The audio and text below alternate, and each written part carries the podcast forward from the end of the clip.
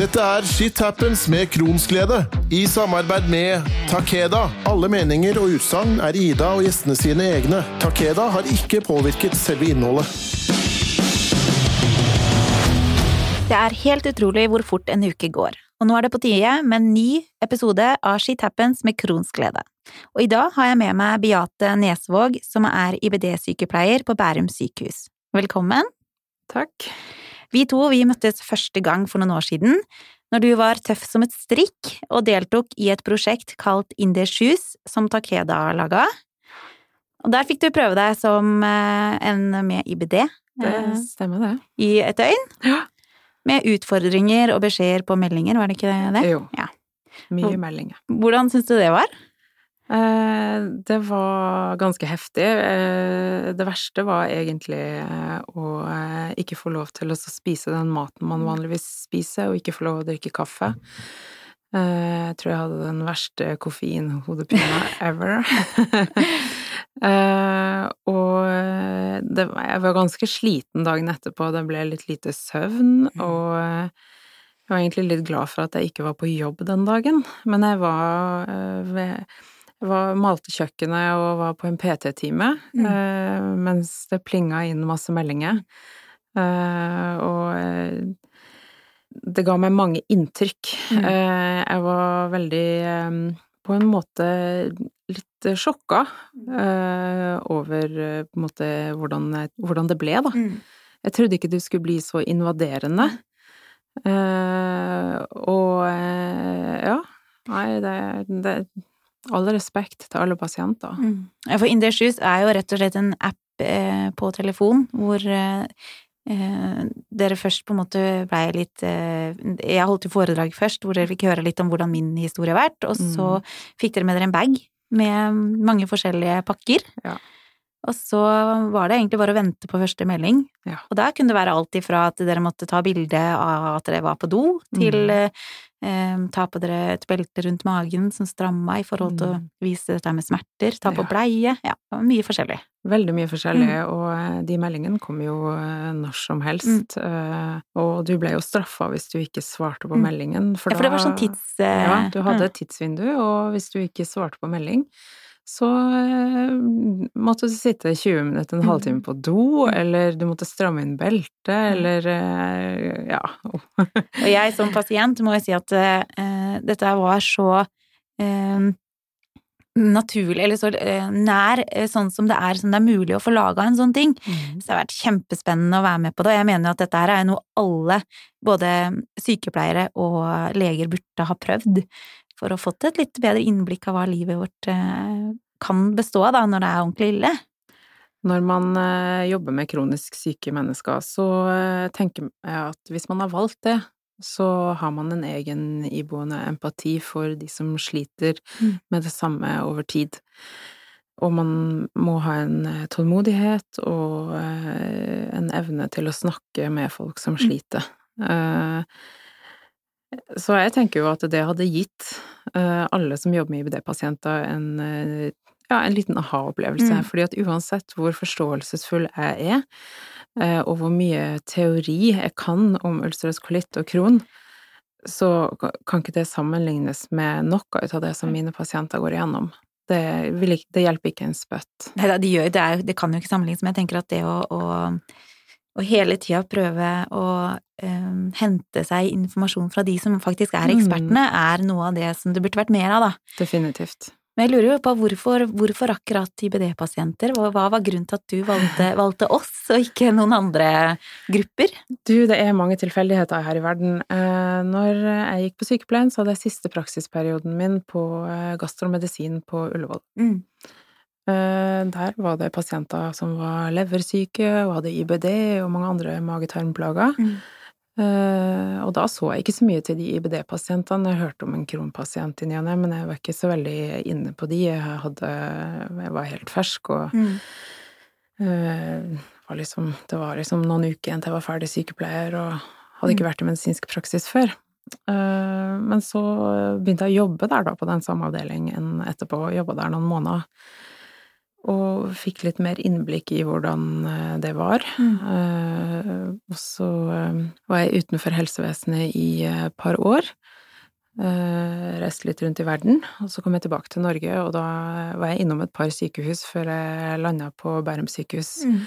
hvor de trengte noen med gastroerfaring. Så siden 2006 så har jeg jobba med pasienter som har mage-tarm-sykdommer. Mm. Og eh, da fikk jeg et, et spesielt eh, hjerte for de unge Mm. syke Mm. som ble lagt inn, eh, og følte at det her var noe som jeg interesserte meg veldig Mm. for. Begynte å gå litt på kurs. Eh, Holdt litt undervisning for sykepleierkollegaer og sånn, og så har det egentlig bare balla på seg Mm. med jobb på poliklinikk med polikliniske oppfølginger av IBD-pasienter, fått lov å være med på litt eh, studier, inkludere pasienter, og jobbe også på gastrolab med koloskopi og gastroskopi. Mm. Så ja.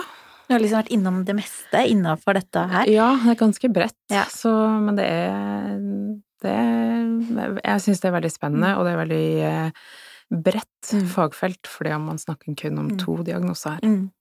Eh, og så er det jo, som du sier, at det er jo veldig ofte de her unge som får diagnosen, og det er jo ekstra viktig at eh, sykepleierne er sitt ansvars, ansvar bevisst da, i forhold til at eh, dette er jo eh, ofte mennesker som kanskje ikke har tenkt så veldig mye på at det er mulig å være syk, fordi en, en er jo i sin egen verden gjerne, eh, og tenker at livet er, li- ligger litt sånn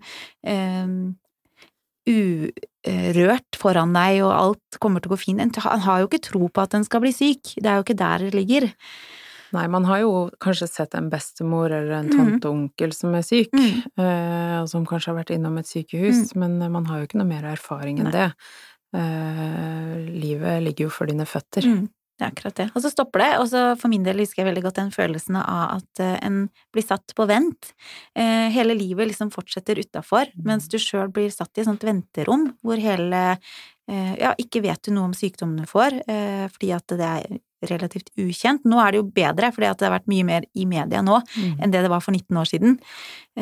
Og det er jo kjempebra. Jeg tenker at vi må ha infoen ut, sånn at folk vet hva de får. Absolutt. Det er kjempeviktig. Men hva, hva skjer egentlig når en eh, blir syk og får en IBD-diagnose? Når man eh, har vært på en koloskopi, da, en sånn eh, kikkertkamera som går gjennom hele tarmen, enten er man på en sånn dagenhet hvor Mm. man gjør det, eller man er innlagt og har fått gjort det, så får man jo svar på det, da. Mm.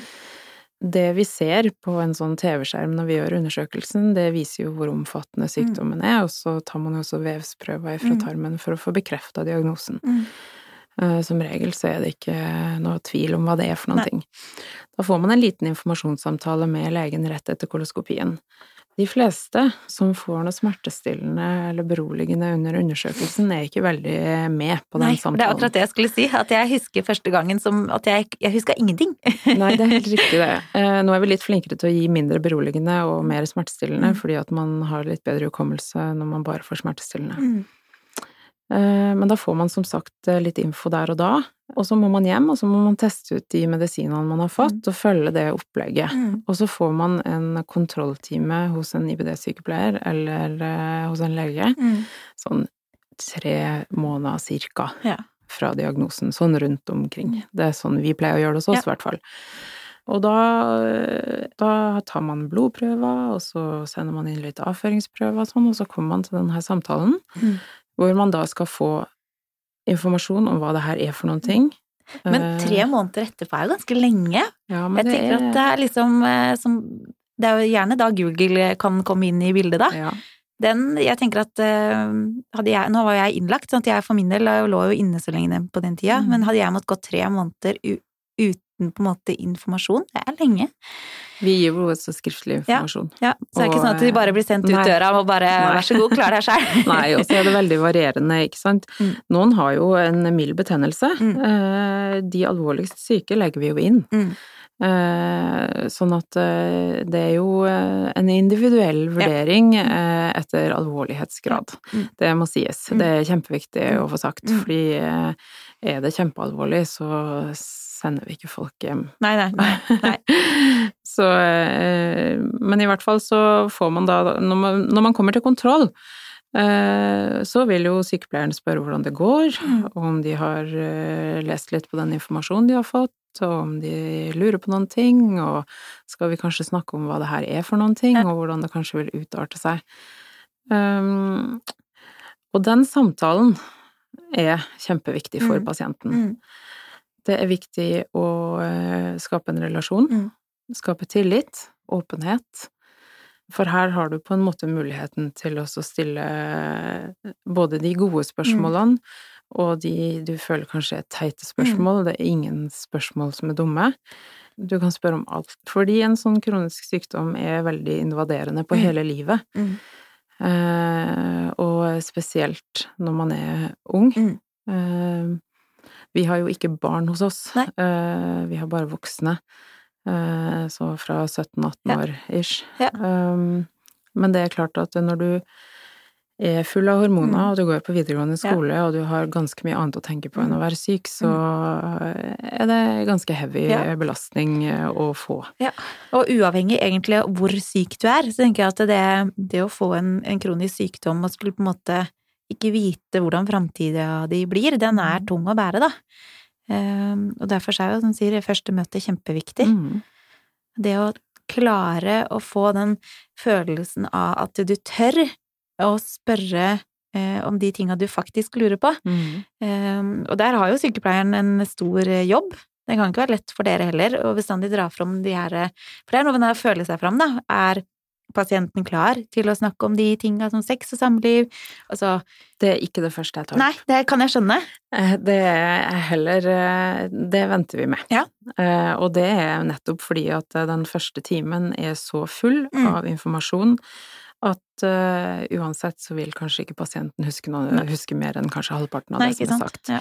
Og da er det mer viktige ting som hva slags diagnose er Mm. det her? Mm. Er det alvorlig, er det moderat, eller er det en mild Mm. type sykdom? Eh, hva slags medisiner står du på? Mm. Har du noen bivirkninger? Eh, klarer du å ta medisinene dine?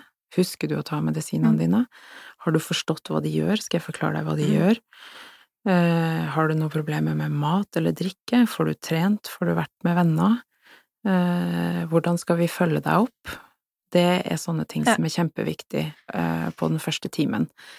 Og det er, det er ganske overveldende Ja, for For, informasjonsbehovet er jo veldig stort. det er jo det, men så er det også veldig få som har veldig mange spørsmål. Ja.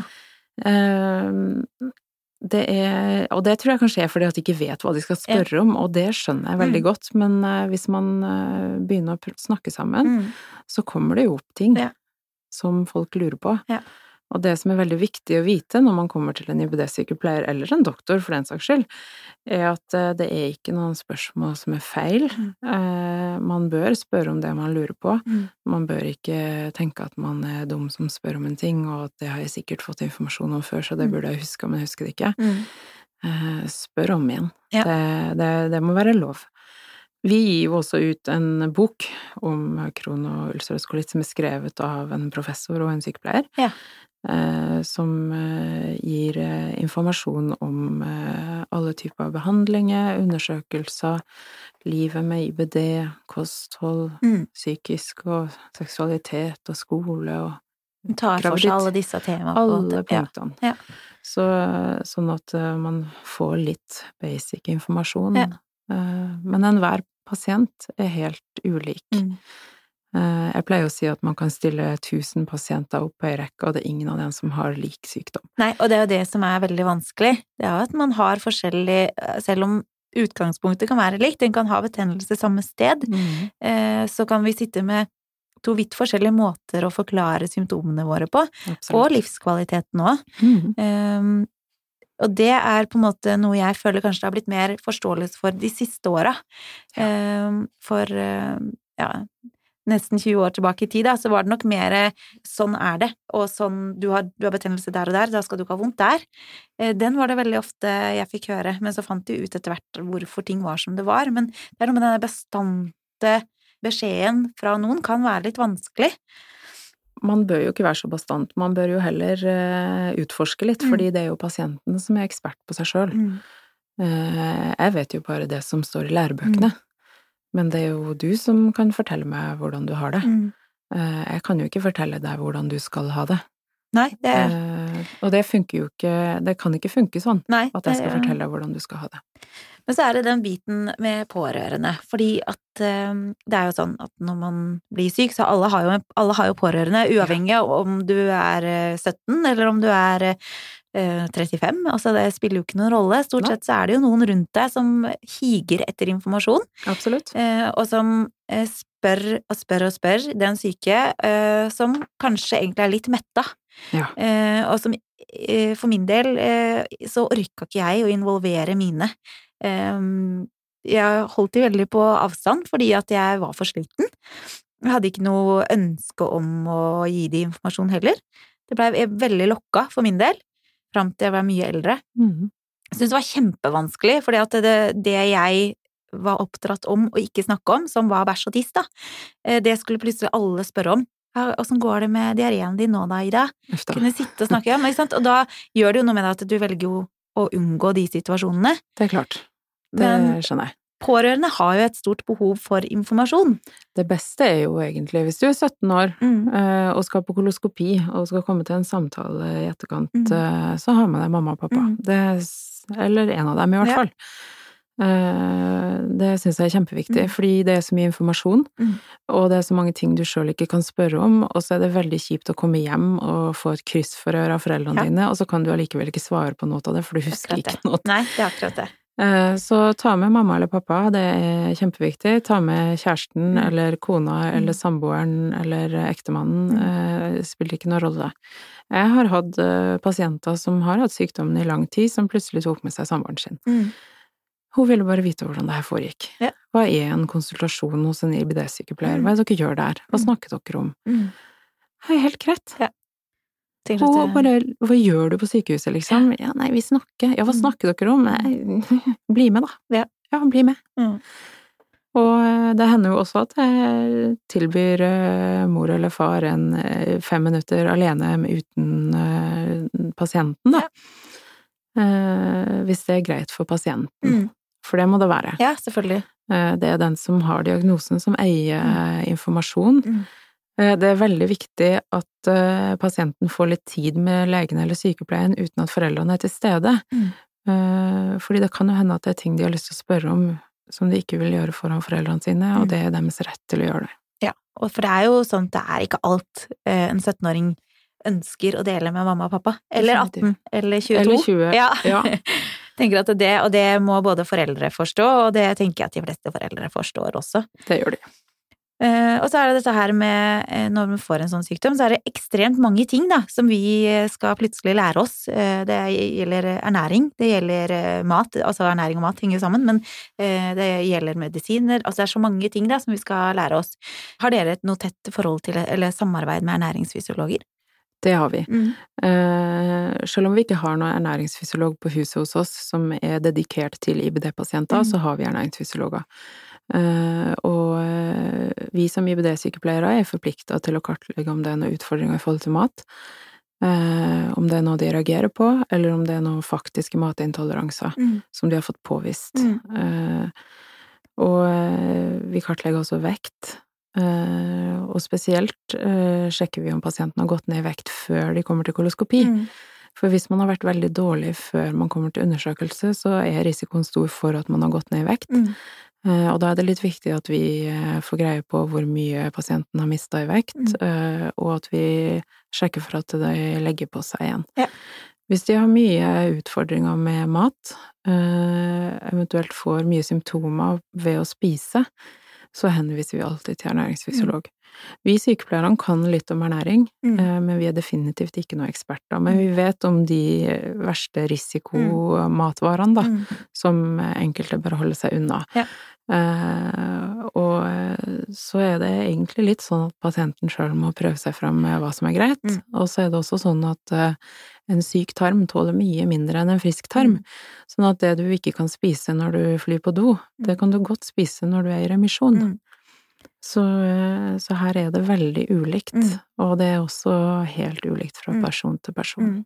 Og det, altså, jeg, har også merka at hvis man er kjempedårlig, så spiller det ikke noen rolle nesten hva man spiser. Fordi at uavhengig av hva du spiser Og den har jeg fått mange spørsmål om hvis jeg har vært sånn eh, nesten sånn innleggelsesklar. Allikevel så kan jeg spise ting som jeg vanligvis Kanskje spise en sjokolade, da. Som jeg vanligvis da ikke kunne spist.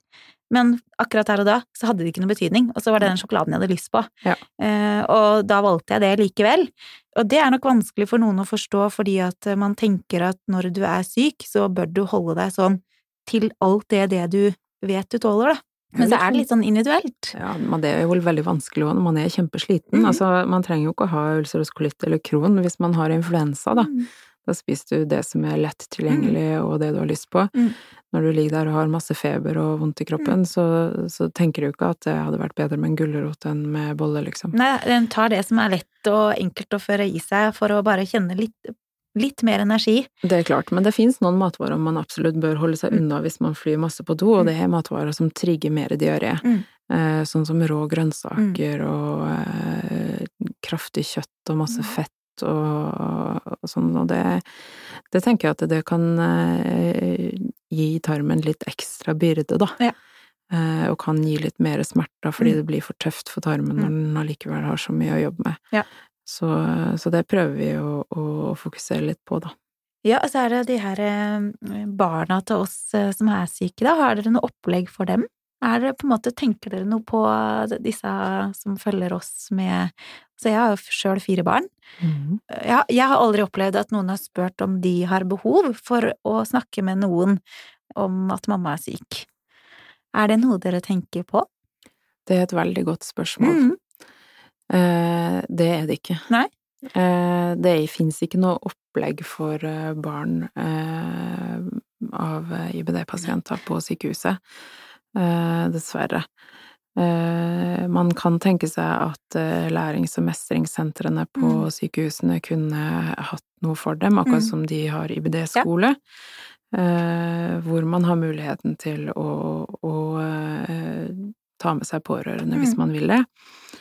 Eh, Men jeg tenker også at eh, den beste til å forklare hva det her dreier seg om, er den som er syk Mm. sjøl, som kjenner sine barn. Mm. Eh, og det, det tror jeg fortsatt at uh, er viktig. Mm. Ja, kjempeviktig. At man er, er åpen med Mm. ungene sine, at de skjønner litt, kanskje. Og så er det jo litt, kommer litt an på hvor gamle de er, da. Ja, for en må tilrettelegge i forhold til alder. Uh, Det er jo kjempeviktig, men det å prate og det å fortelle at ting går opp og ned, og være ærlig om Mm. at ja, mamma må innimellom på sykehus, Mm. må ta tester, må til doktor, må ta medisiner, Mm. det at mamma har et skap med medisiner som ikke er for barn, altså alle Ja. de tinga der, er kjempeviktig å lære fra de er kjempesmå. Eh, Og hvorfor man tar de medisinene. At det er ikke bare for moro skyld, på en måte, men det er jo en god grunn til at man er, at man er syk, da. Man kan jo Eh. også tenke seg at helsesøstre på skolen der barna Mm. går, kunne vært involvert i en Mm. sånn setting. setting. Eh, De eh, ser jo barna mye Mm. eh, i løpet av skoleåret, og at det kunne vært noe som hadde funka for Mm. de som trenger det. Mm. Jeg ser jo for meg at de pasientene som har en mild sykdom, som tar de der tablettene Mm. hver morgen og går på jobb og lever et normalt Mm. liv, kanskje ikke har det behovet. Eh, Men det fins jo mange som er veldig, veldig dårlige, og som kanskje er uføretrygda, Mm. og som måte ikke er i stand til å leve et uh, normalt Mm. liv som friske gjør, Mm. uh, og som har barn. Der kunne de kanskje hatt uh, litt mer støtte. Ja, jeg tror i hvert fall det å føle at du kan prate med noen som kanskje kan forstå deg litt, da. At du Mhm. kan eh, stille de spørsmålene uten at mamma eller pappa får dårlig samvittighet, eller altså, for barn tenker jo gjerne sånn veldig fort. Mm. Det er i hvert fall, jeg tenker at i hvert fall de som har foreldre som er eh, innlagte, Mm. at det kunne vært lurt å tenke i de baner at de barna også får muligheten til å, å snakke med noen. Og så er det dette her med utdanning og jobb. Det er jo eh, mange ting å tenke på når en blir syk. Ja. Og en står eh, som sagt ofte midt oppe i utdanning når eller akkurat starta jobb, eller altså det er jo mange ting å ta hensyn til. Det hva, hva anbefaler dere pasientene deres når de får en eh, ny diagnose? Er det å bare kjøre på og fortsette som vanlig, eller er det Det kommer jo eh, litt an på. Jeg har jo pasienter som er i militæret, Mm. eller som har planlagt å dra på folkehøyskole Mm. om nøyaktig ti dager, Ja. men er grisedårlig. Mm. Eh, eller eh, ja, eller skal reise til utlandet og sånn. Vi får det til. Mm. Eh, det blir en intensiv opplæring av pasienten på hva de skal gjøre og se etter hvis de blir dårlig. Eh, og så er det jo noe med om de, om de vil det sjøl. Ja. Eller om de kanskje skal ta et pauseår. Mm. Hvis du for eksempel er sånn litt på vippen om du skal studere eller om du skal ta et pauseår, så er kanskje kanskje sykdommen en grunn til å ta et Mm. pauseår, da, og kanskje ta seg en deltidsjobb og eh, finne ut av ting. Mm.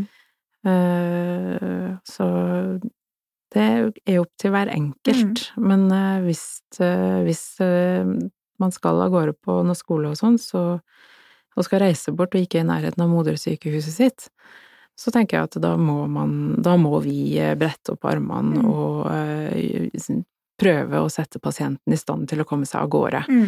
Uh, Men vi sier jo også av og til at vet du hva, er du sikker på at Mm. det her er så smart? Mm. Kanskje du skal utsette det et Ja. år. Mm. Um, det er viktig å ta en utdanning, Mm. eh, men det er kanskje vel så viktig å ta vare på helsa, Mm. og da eh, kan ett år med vent Mm. være lurt Ja, for noen. Ja. Eh, Så for øvrig så, så er det jo sånn at hvis du skal studere da, så har du litt rettigheter i forhold til studielån. Mm. Man kan Vi kan ordne det sånn på studielånssøknaden at du får dokumentert at du ikke er i stand til å jobbe hvis du Mm. er skikkelig dårlig. Eh, Sånn at Lånekassen vet at du ikke kan ha jobb på sida Mm. og sånn. Det gir deg litt ekstra stipend. Mm. Eh, Du kan få litt ekstra tid på eksamen. Mm. Sånn utover det så vet jeg at LMF har veldig god oversikt Mm. over, eh, over eh, sånne ting på sin nettside, og eh, så hvis vi har innlagte pasienter, så henviser vi de til sosionom Mm. hvis de trenger litt hjelp med å ordne opp i papirer Mm. og sånne ting, hvis de må avbryte skole og Og så er det jo sånn at innimellom så regner jeg med at dere dukker, eller kommer borti de pasientene som sliter litt med å takle livet. Um, og det er kanskje den aller viktigste jobben en sykepleier har, eh, spesielt, eh, ja, egentlig alltid, vil jeg si. De, fange opp de som virkelig sliter med å um, innfinne seg med det, sitt nye jeg, da, på en Ja. måte. Og hva tenker du om rundt det?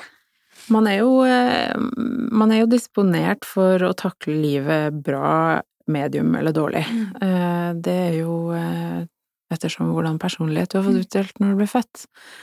Og noen har en eh, helt fantastisk eh, evne til å bare ordne alt for seg Mm. sjøl og kjempe seg gjennom ting, eh, mens andre sliter. Mm. Og i de verste tilfellene så må man involvere fastlegen og få et samarbeid mellom eh, spesialisthelsetjenesten og fastlegen Mm. for å, å lage et opplegg for pasienten som er til beste for pasienten, hvis pasienten vil. Mm. Da eh, spør vi om lov til å kontakte fastlegen, Mm.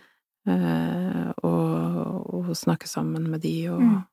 og sånn at pasienten kan få litt tettere oppfølging, og Mm. kanskje hvis man sliter med depresjon, at man kan få starte på noe antidepressiva, få en henvisning til psykolog eller psykiater, eh, for å få litt hjelp med å Mm. stable tankene litt bedre på plass, og kanskje få eh, hjelp med å finne noen mestringsstrategier i en krisesituasjon. krisesituasjon. For det er jo ikke sånn at det alltid er eh, lett å være syk, eh, og en merker jo eh, Noen ganger så går jo ting på sykehuset kjempefint. En føler seg både eh, godt ivaretatt, og en føler at alt er bra, men så innimellom så kan en føle at oppføl oppfølginga litt feiler. Eh, og hvilke rettigheter er man har da? Hva bør, bør en pasient gjøre da, hvis en kommer hjem etter en time hos en, enten dere sykepleiere eller hos legen, eh, og føler at åh, dette her gikk ikke sånn som jeg Nei, det er et eller annet som ikke stemmer. Mm. Føler liksom at dette her ikke var noe et godt møte, da. Mm. Så tenker du, hva, hva bør man gjøre da? Jeg tenker jo det at øh, kanskje var, var det uflaks, da. Ja. Eh, kanskje hadde legen eller sykepleieren en Mm. dårlig dag. Mm. Eh, men i utgangspunktet så har man fritt sykehusvalg.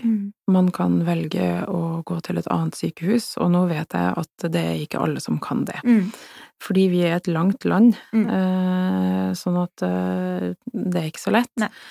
Men hvis man har muligheten til det Ellers så syns jeg jo at det faktisk eh, kan være greit å, å be om en ny time, da. Prøv en gang til, rett og slett. Prøv en gang Mm. til. Kanskje til og med si fra. Mm. Hvis man følte seg tråkka på, Mm. eller eh, følte seg urettferdig behandla, Mm. Eller, at sy- eller syntes at ting ikke var greit.